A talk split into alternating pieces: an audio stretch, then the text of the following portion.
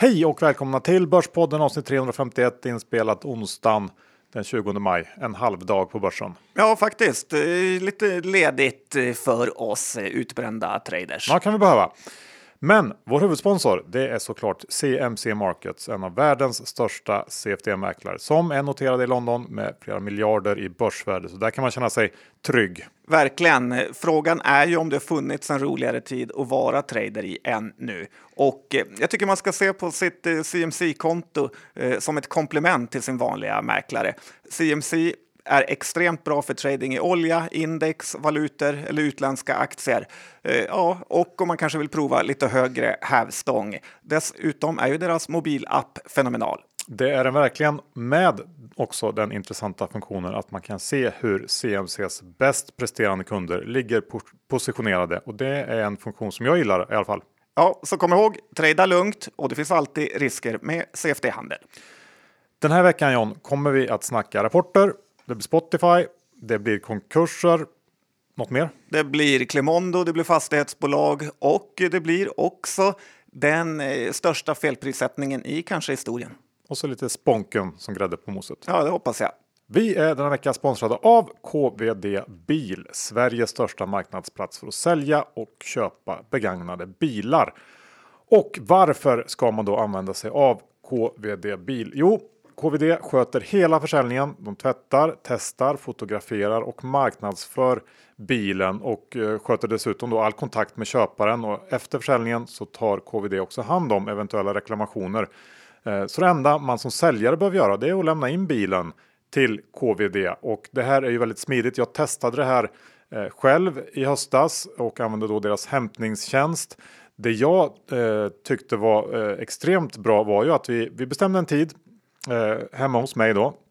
För det passade mig bäst. Då kom en person från KVD och hämtade bilen. Jag behövde bara lämna nycklar egentligen och eh, ja, så var bilen borta. Supersmidigt. Och sen pengarna på kontot efter ett tag. Precis. Själv har jag provat andra sättet. Extremt osmidigt eh, sätt att sälja på nät, eh, en annan nättjänst som var en katastrof får man säga. Ja, just därför vill man slippa allt strul och trassel med bilförsäljningar. Och vi har ett erbjudande med KVD Bil. De bjuder på hämtningen av bilen när man bokar tid i Stockholm, Göteborg och Malmö med omnejd. Och eh, som sagt, man bestämmer dag, och tidpunkt som passar en själv, plats också som passar bäst och sen så kommer KVD och hämtar upp den. Eh, hur tar man då del av den här kampanjen? Jo, man använder kampanjkoden HAMTABP, H-A-M-T-A-B-P när man gör en intresseanmälan på kvdbil.se och den här kampanjkoden gäller till och med 7 juni.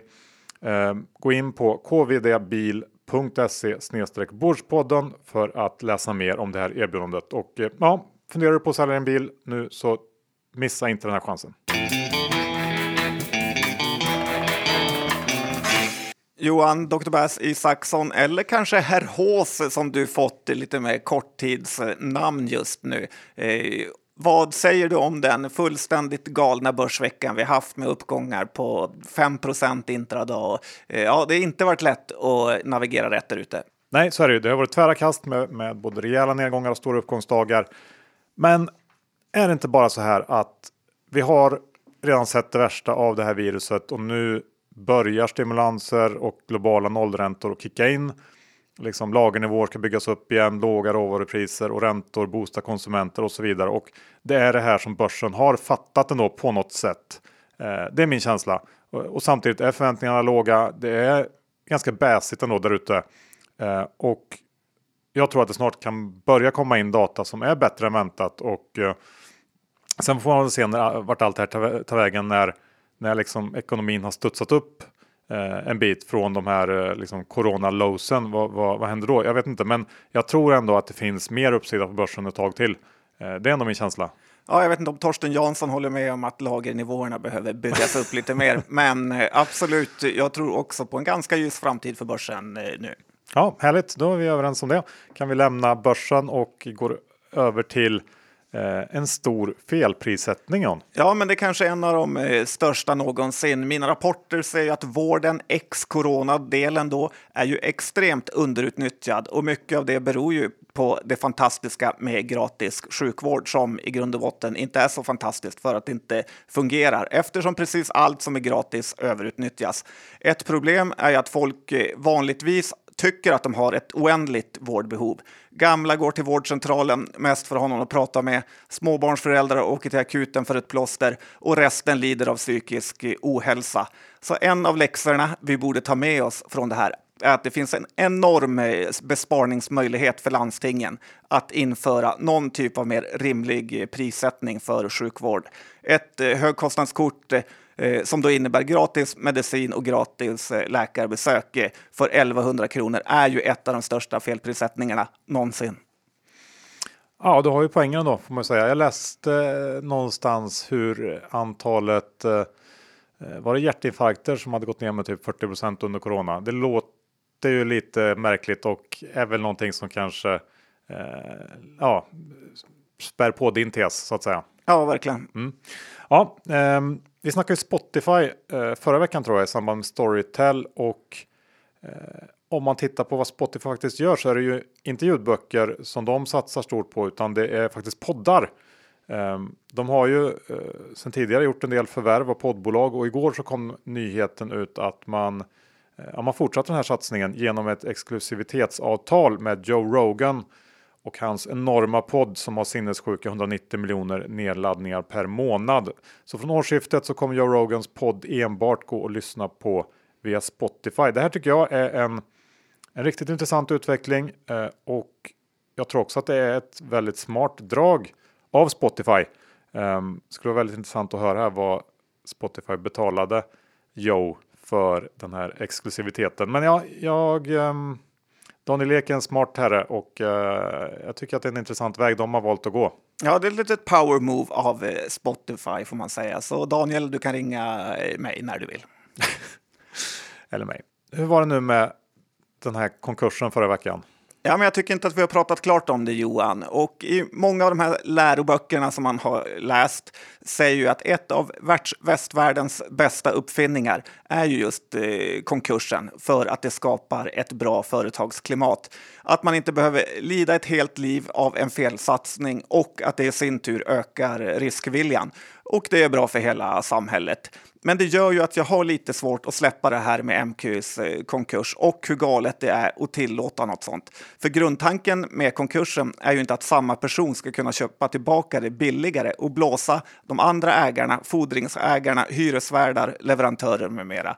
Dessutom så hamnar ju konkurrenterna här, vilket jag såg i helgen, i ett problem. Eh, jag var ju på, i veckan på Bromma Blocks och då såg man att MQs megarea gjorde ju att folk drogs till den butiken istället för att gå till Kappahl eller Brothers. Eh, så då blir det ju lite så att när MQ nu fejkar sin konkurs får de ett överläge med att tömma lagret och eh, eh, sätta de här som faktiskt kämpar på i skiten. Och det är nog bara en tidsfråga innan även Kappahl och Brothers tvingas lägga sig eh, när man ser då vilka fördelar som MQ fått. Eh, ja, svara på det då Johan.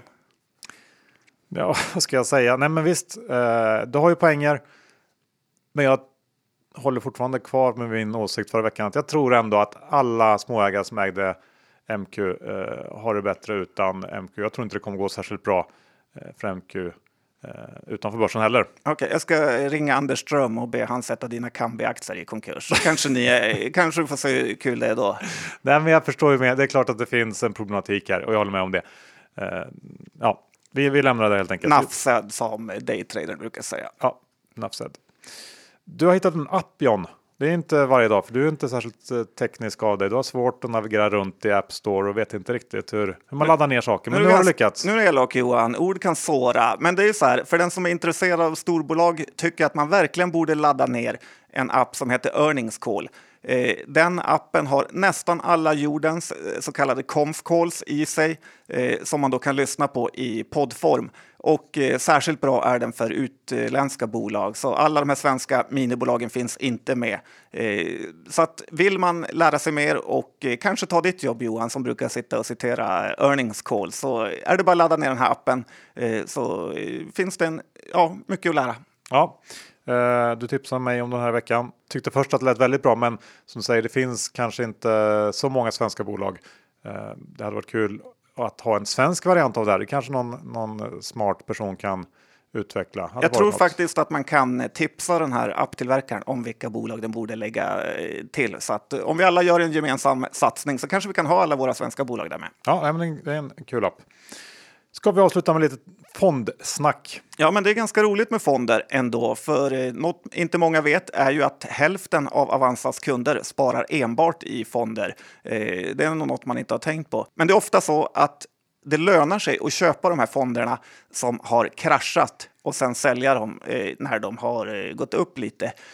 Man slipper bolagsrisken samtidigt som courtage och avgifter inte blir sån stor del. Och just nu har jag märkt att nästan alla Sydamerikafonder har gått ner 40 procent eh, och eh, det kanske är läge att bottenfiska här. De har ju precis allt emot sig. Eh, olja är ju de eh, beroende av att sälja. Valutorna är svaga. De har alla höga statsskulder och nu har ju coronan börjat härja fritt där också. Så att eh, det ska man inte köpa när det ser som värst ut som de brukar säga. Jo, det är väl så. Där har du säkert också en förklaring till Tigos ökenvandring på börsen här eh, som många ställer sig frågande till. Eh, det är en världsdel som har det tufft just nu. Vi är denna vecka sponsrade av Lendify, John. Ja, jag läste ett eh, sånt här brev som Lendify skickar ut till sina investerare och eh, där stod det hur bra det har gått för genomsnittskunden på Lendify som har tjänat eh, upp Eh, över 5% medan börsen har ju tappat 11 eh, Så jag tycker det är verkligen bra att ha ett eh, komplement till börsen med sitt Lendify-konto som du och jag har Johan med ganska stor del av vårt företagspengar investerade i. Ja, och man ska också komma ihåg att de har den här andrahandsmarknaden så om man behöver komma ur ett lån av eh, en eller annan anledning så går det. Eh, vill man testa det här går man in på lendify.se snedstreck Börspodden eh, och Stoppar man då in minst 20 000 kronor och investerar dessa, då får man 500 kronor extra insatt på sitt konto. Inget att tveka på. Nej, lendify.se snedstreck Börspodden. John, nu vill jag nästan att vi börjar med ett bolag som har rapporterat här idag på morgonen. Jag tänker på den skadeskjutna hotellkoncernen Scandic med kortnamnet Chott. Ja, men eh, kul att du tar upp det, för att det här är verkligen ett bolag som har haft det tufft. Och eh, många säger att eh, nu att man kanske ska rotera från så här coronavinnare till eh, coronaförlorare och då är ju eh, Scandic väl, verkligen ett eh, sånt eh, case. Eh, rapporten, när man tittar på den, ser först katastrofal ut, men det är för att det är nedskrivningar som tynger eh, resultatet här. Och Scandic ska göra en nyemission på 1,7 miljarder som kommer ske i början av juni. Och jag tror faktiskt att man ska vara med på ett hörn där. Scandic har ett börsvärde på 4,5 miljard så att det här blir ju en gigantisk utspädning. Så att någon gång under den här nyemissionsperioden kan det nog vara ett ganska bra läge att köpa in sig då, inte, då vissa kommer kränga iväg de här teckningsrätterna och det brukar ju sätta press på aktiekursen. Lite så här daytrader-skola. Eh, dessutom så såg det ju även bättre ut med beläggningen nu, men Q2 kommer ju bli riktigt dålig. Men det kanske ändå inte kommer bli så illa som alla tror, då mycket av kostnaderna faktiskt är rörliga Eh, då man har sådana kontrakt med hyresvärdarna, personal, städkök, eh, reception kan man liksom helt eh, skicka hem när det inte bor någon på hotellet. Så att, eh, det finns ju faktiskt fördelar med en sån här light affärsmodell. Så ja, någon gång under nyemissionen tror jag att man ska hoppa på. Jag är nog med dig där faktiskt. Jag läste att de har lyckats reducera kostnaderna X då hyror med 70 procent. Eh, ändå bra jobbat kan jag tycka och sen är det klart att den här beläggningsgraden som låg på 6% i april var det va? Eh, det är ju helt sinnessjukt egentligen, men eh, det är också någon typ av engångshändelse eh, liksom av historiska slag så att det här kommer ju såklart att förbättras och eh, ja, ger man det lite tid så kommer det här komma tillbaka, det är jag övertygad om. Så att eh, någon gång, jag håller med dig, så kommer det säkert vara rätt. Vi går över till Björn Borg, ett bolag som vi ändå har dissat ganska länge, med rätta får man säga. Verkligen, du är ju kalsongexpert så att eh, du vet ju vad du pratar om. Ja, det är jag sannerligen. De rapporterade förra veckan och under Q1 så föll intäkterna med knappt 10% samtidigt som ebit gick från då 18,5 miljoner förra året till 7,2 miljoner här under årets Q1 och man får väl här ändå tillägga att, att bolaget visade tillväxt under januari februari innan coronan slog till, men sen tog det stopp. Eh, det här kommer ju också påverka Q2 och Q3 och eh, Q3 som är det viktigaste kvartalet. Det är väl då vi, vi får se hur den här krisen verkligen slår mot Björn Borg. Eh, rullande ligger man på ett ebit resultat om 40 miljoner nu. Det kommer ju bli, bli sämre här, men ehm, det kan ställas mot ett, ett EV på närmare 500. Ingen jätteattraktiv värdering eh, kan jag tycka och i slutändan handlar den här aktien nog ganska mycket om vad man tror om Björn Borg som varumärke. Finns det lyskraft kvar i det här namnet eh, och räcker det i så fall för att det här bolaget ska kunna börja växa hyggligt igen? Ehm, jag är tveksam. Ehm, vad säger du? Nej, men det har ju visat sig hur värdelöst det är att ha ett varumärke byggt på en person. Björn Borg ska ju vara rätt glad att eh, han inte är en Paolo-kille, för då hade det där märket varit borta för länge sedan. Så att, eh, nej, jag håller mig borta från Björn Borg eh, och eh, ja, tror ju mer åren går, desto mer bortglömd blir han. Tyvärr för oss eh, som gillar tennis. Ja, det är ju en, en oerhört tuff marknad också, ska man ju komma ihåg, med väldigt mycket nya brands som vill in och fighta som pengarna. Eh, när vi ändå är inne på någon slags retail snack så tänkte jag bara ta upp Pandora igen lite kort. För förra veckan så var Mr Pandora himself eh, analytikern som sägs kunna Pandora bättre än ledningen själva. Det är alltså Carnegies Lars Toppholm jag pratar om. Ute med en rejäl rekhöjning i Pandora. Lite äcklig eh, håsning som han förmodligen har spridit ut själv. Antagligen. Men det är ändå ganska härligt att tänka sig att han vet siffrorna innan eh, ledningsgruppen eh, har en aning om vad som händer. Verkligen. För det är olika surveys och tittar på olika handlare och butiker och har ett helt nät med spejare som kollar omsättning i ja, överallt. Vad var han hette igen? Lars Toppholm. Ja, grattis. Mm. Men sammanfattningsvis så handlar eh, hans höjning om att bolaget ja, innan corona slog till uppvisat starkare momentum försäljningsmässigt än väntat och att man också då klarat av nedgången som det här viruset skapat bättre än väntat och dessutom så börjar det här turnaround programmet som man sjösatte i början av 2019. Eh, det börjar nu ge resultat och om man antar att Pandora bara kan leverera nolltillväxt från något slags normaliserat 2021 så finns det en stor uppsida i den här aktien som handlas på ensiffriga multiplar för nästa år. Jag, jag tror ändå att det här är eller kan vara en intressant aktie om man eh, gillar turnarounds. Det finns ju ett gäng turnarounds nu att välja på, men det här, ja, jag, tycker ändå att det känns helt okej. Okay. Eh, de har visat eh, en hel del datapunkter som tyder på att det, det ser ut att vända.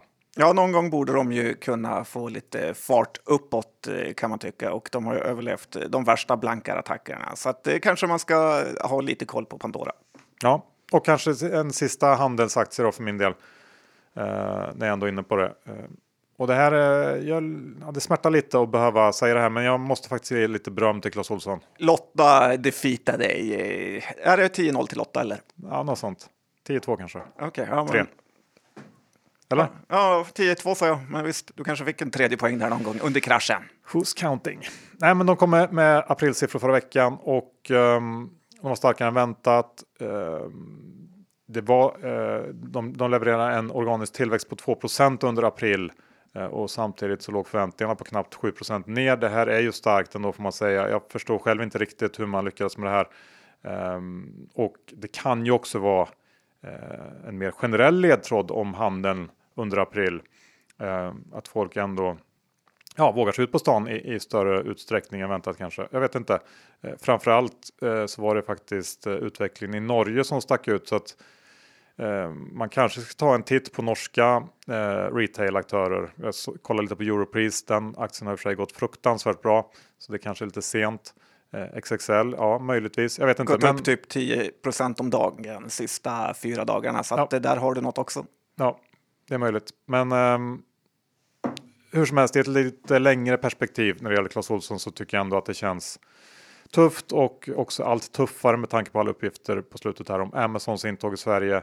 Eh, det är inte vad den här typen av spelare behöver, men ändå, de kämpar ju på Eh, väldigt bra ändå får jag säga. Ja, kanske får byta namn till Lotta Olsson nu, så eh, ligger rätt, mer rätt i tiden. Ja, faktiskt.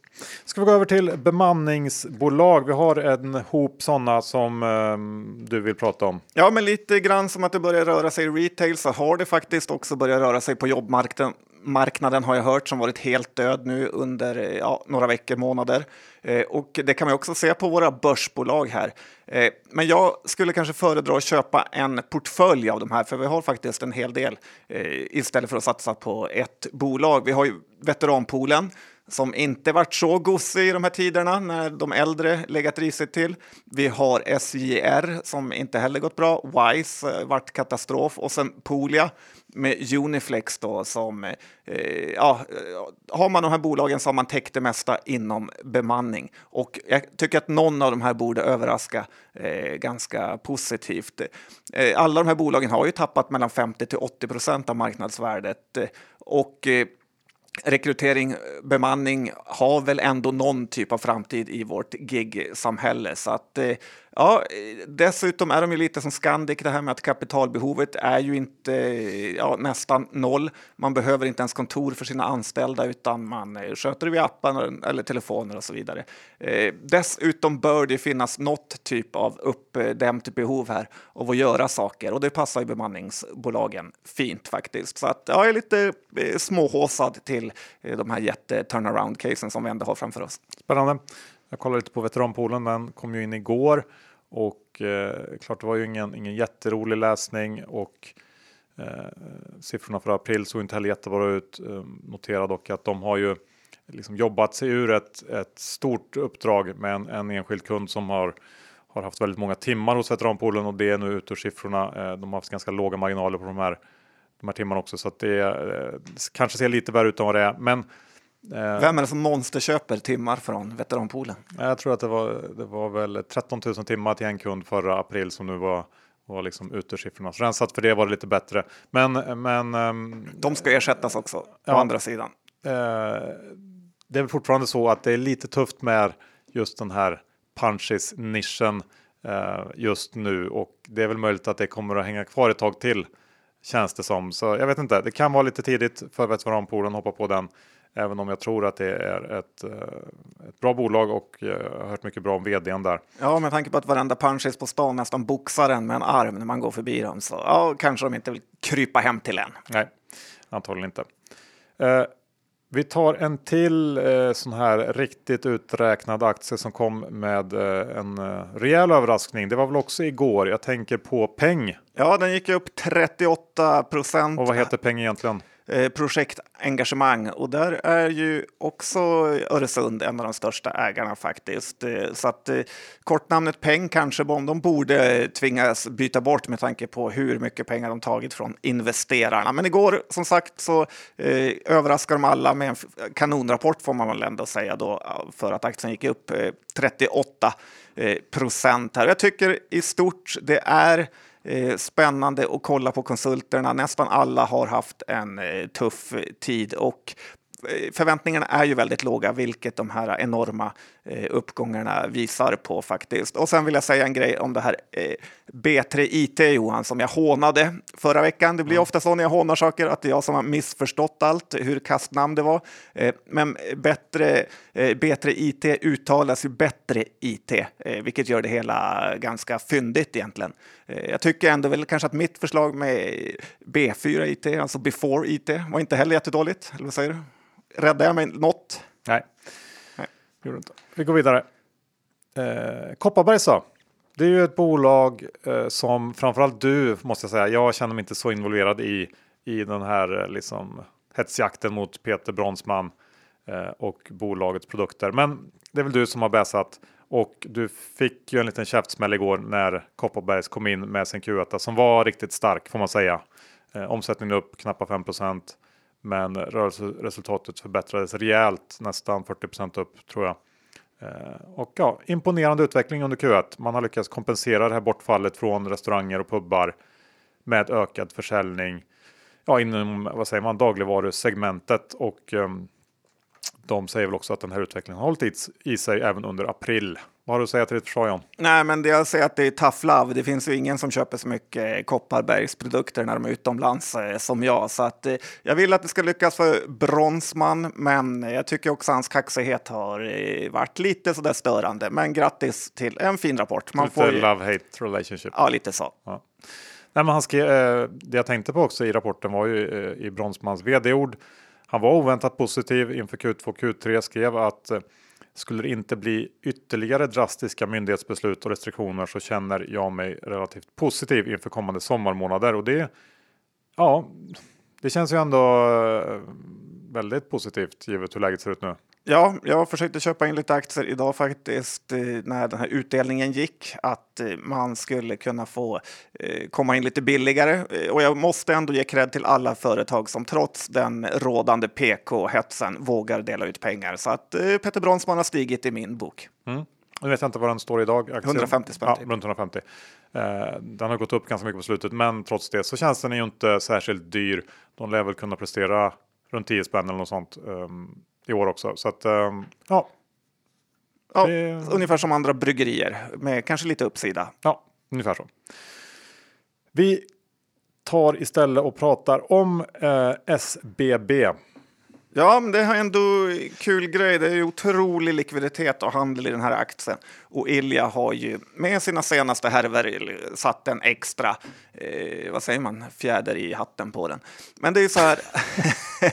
ja, det säger man kanske inte, men vi säger så. Ja, den har ju tappat 50 procent eh, sedan toppen och eh, frågan är väl om det är köpläge nu faktiskt. Men det man ska komma ihåg är att eh, många andra fastighetsbolag också tappat massor. Balder har gått från 530 till 380. Diös är ju en megaförlorare som gått från 100 till 58. MP3 från 125 till 80. Så det är ju brutala tapp i den här sektorn även i bolag som inte haft eh, ledningsproblem och att de har suttit i häktet. Så att när man eh, zoomar ut lite så där så tycker jag att fyndkänslan försvinner i SBB. Så tittar man på bolagets eh, finanser, finanser så framstår det lite mer som en fastighetsvarant nästan. SBB har fastigheter för 80 miljarder i senaste rapporten. Nu har de väl kränkt iväg lite, men inte jättemycket. Börsvärdet är endast 20 miljarder på de här stamaktierna. Sen har man ungefär 2,5 miljarder i olika preffar. Eh, men stamaktievärdet är faktiskt bara 20 miljarder. Så att, eh, lägg till att det här substansvärdet är 20 kronor per aktie och eh, den själva aktiekursen står då i 15. Så det är ju rabatt, men det är inte någon galet överdriven rabatt heller givet alla problem och belåning. Och sen ska det ju faktiskt i ärlighetens namn eh, sägas att eh, eh, de här samhällsfastigheterna är ju en bra grej, men många av dem ligger i väldigt, väldigt dåliga lägen. Polisstationen i Bålänge är ju liksom, det är ju i princip bara en byggnad som kan ha en enda hyresgäst, så allt värde sitter ju i de här kontrakten. Så jag tycker ju mer man tittar på SBB, desto mer olockad blir jag faktiskt. Okej, okay, ja. Har ingen jätteåsikt, eh, men jag såg att det ska komma någon typ av besked under dagen idag eh, kring Ilja och hur åklagaren eh, tänker göra där. Så att det kan säkert bli volatilt även idag i ja. SBB. Jag sätter att, ganska säkra pengar på att de kommer lägga ner det mm, mm, då vet vi det. Eh, Clemondo pratade du lite grann om förra veckan och det Eh, var någonting som eh, tog skruv, framförallt på Twitter. Ja, det var eh, elaka ord, eh, men sånt gillar vi ju bara så att det gör ingenting. Men de har ju varit mycket på tapeten här sista tiden och hade väl sin lite halvpinsamma livesändning igår på sin Facebookgrupp som jag tittade bitvis på. Och man får ju inte glömma det här med Climondo, att det här är ett lågkvalitativt bolag med låg teknikhöjd, så värderingen ska aldrig vara hög oavsett eh, eh, hur det går för dem. Visst, den här Q2 som väntas komma kan bli bra, men man ska komma ihåg att bolag som kör livesändningar på Facebook vet man ju i grund och botten inte vill låta siffrorna tala för sig, utan man är ju väldigt, väldigt mån om att jobba upp aktiekursen. Sen snackade vi lite om att insiders köpte sina första aktier efter Q1. Eh, Men det har de ju gjort för att de har flera miljoner i köpoptioner här som gör att de kommer tjäna massor eh, om aktien går upp. Eh, så att den här Skellefteå-killen, Örjan, som snackar om att bolaget medvetet försöker hålla nere sina vinster för att inte behöva skatta så mycket, köper jag för, till 0 procent då ledningens incitamentprogram faktiskt är ju att eh, aktiekursen ska gå upp. Eh, så att äh, det är mycket bullshit i den här aktien. Gäller att vara rädd om sina pengar. Absolut. Och då är det dags John för ett litet ESG-segment. Um, ehm, för efter en kort paus här under värsta coronakrisen så fortsätter den här trenden att skapa missfoster till aktier och två av dem har rapporterat eh, den senaste veckan. Garo ja. gissar jag på. Ja, och även Nibe. Kanske inte senaste veckan, men någonstans i närtid var det Nibe rapporterade. Jag kommer ja. inte riktigt ihåg. Eh, och vi kan väl ändå börja med det bolag eh, som ändå levererade och det är ju såklart Nibe. Rapporten i sig går väl inte att klaga på. Man slog alla estimat här på alla punkter, även om Gert-Erik också varnar för att coronaeffekten eh, som var ganska liten under Q1 kommer att påverka mer under Q2. Däremot så kan man klaga om man tittar på rapporten samtidigt som man kikar på värderingen. För mellan de här två finns det ingen som helst verklighetsförankring. Nibe växte med 10 i Q1 och värderas till P 50 ungefär. Eh, det kommer aldrig gå att räkna hem och eh, ja, kör man köp och behåll alla per H i Nibe så är man mer eller mindre garanterad att förlora pengar på riktigt lång sikt, tror jag. det var aggressivt sagt i ett högkvalitativt eh, bolag ändå. Jo, Nej, men man kanske får vänta i liksom... Har du blankat? Nej. Nej, men då är det inte så tufft då, som du låtsas. men ska vi gå över då till Garo som också har en hiskelig värdering, ehm, men därtill också en tendens att underprestera, eh, vilket också var fallet i Q1 som kom igår, va? eller var det förrgår? Nej, det var igår. igår. Du håller på att tappa det Johan. Ja, lite grann. Eh, sämre över hela linjen eh, och eh, det är väl framförallt det stora lönsamhetstappet som står ut här. Eh, det här är ju en glorifierad underleverantör till bygg, men som av någon konstig anledning fångats upp i diverse ESG-listor och handlas till multiplar som inte är av denna värld. Rullande så ger de 7,50 EPS. Det kommer de ju med största sannolikhet inte att göra i år. Det kommer nog bli en bra bit under det, men Eh, bara som referenspunkt så kan man ha den siffran och eh, aktien kostar väl strax under 300 igen. Eh, en aktie som egentligen kanske borde vara en bit under 100 spänn eh, om den ska vara i linje med, med liksom andra peers inom bygg, typ Inwido eller Nordic Waterproofing för att nämna några. Eh, hur som helst, det här är en... Men de har inte laddstolpar Johan till Teslor? Nej, det har de inte. Men det är i alla fall en till kandidat att stoppa in i buy and hold portföljen om man vill vara säker på att bara ha aktier som inte går att räkna. Nej, men jag håller med. Det framförallt Garo är ju så fruktansvärt felprissatt i min bok också. Så.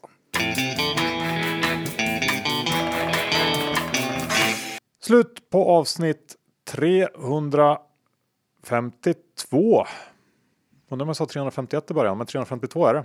Ja, du har verkligen tappat det. Så eh, jag får... Kan behöva ledighet nu ett tag. Ja, faktiskt. Ja. Tack till vår huvudsponsor CMC Markets. Ja, de har ju en fantastisk app och den här funktionen du nämnde i början Johan, att man kan se hur deras bästa kunder ligger eh, positionerade är rolig att eh, kolla på. Ja, och är ni på gång att sälja bil eller köpa för den delen, men framförallt sälja så använd då er av vår kod hos kvdbil.se. Koden är HAMTA BP, H-A-M-T-A BP eh, och den ger alltså gratis hämtning av din bil. Oerhört smidig tjänst. Jag har använt den. Jag är supernöjd. Inget att fundera på. Nej, det är bara att göra dödsångesten och göra något annat. ska man inte ens prata om. Nej, det ska man inte. Eh, och Lendify såklart.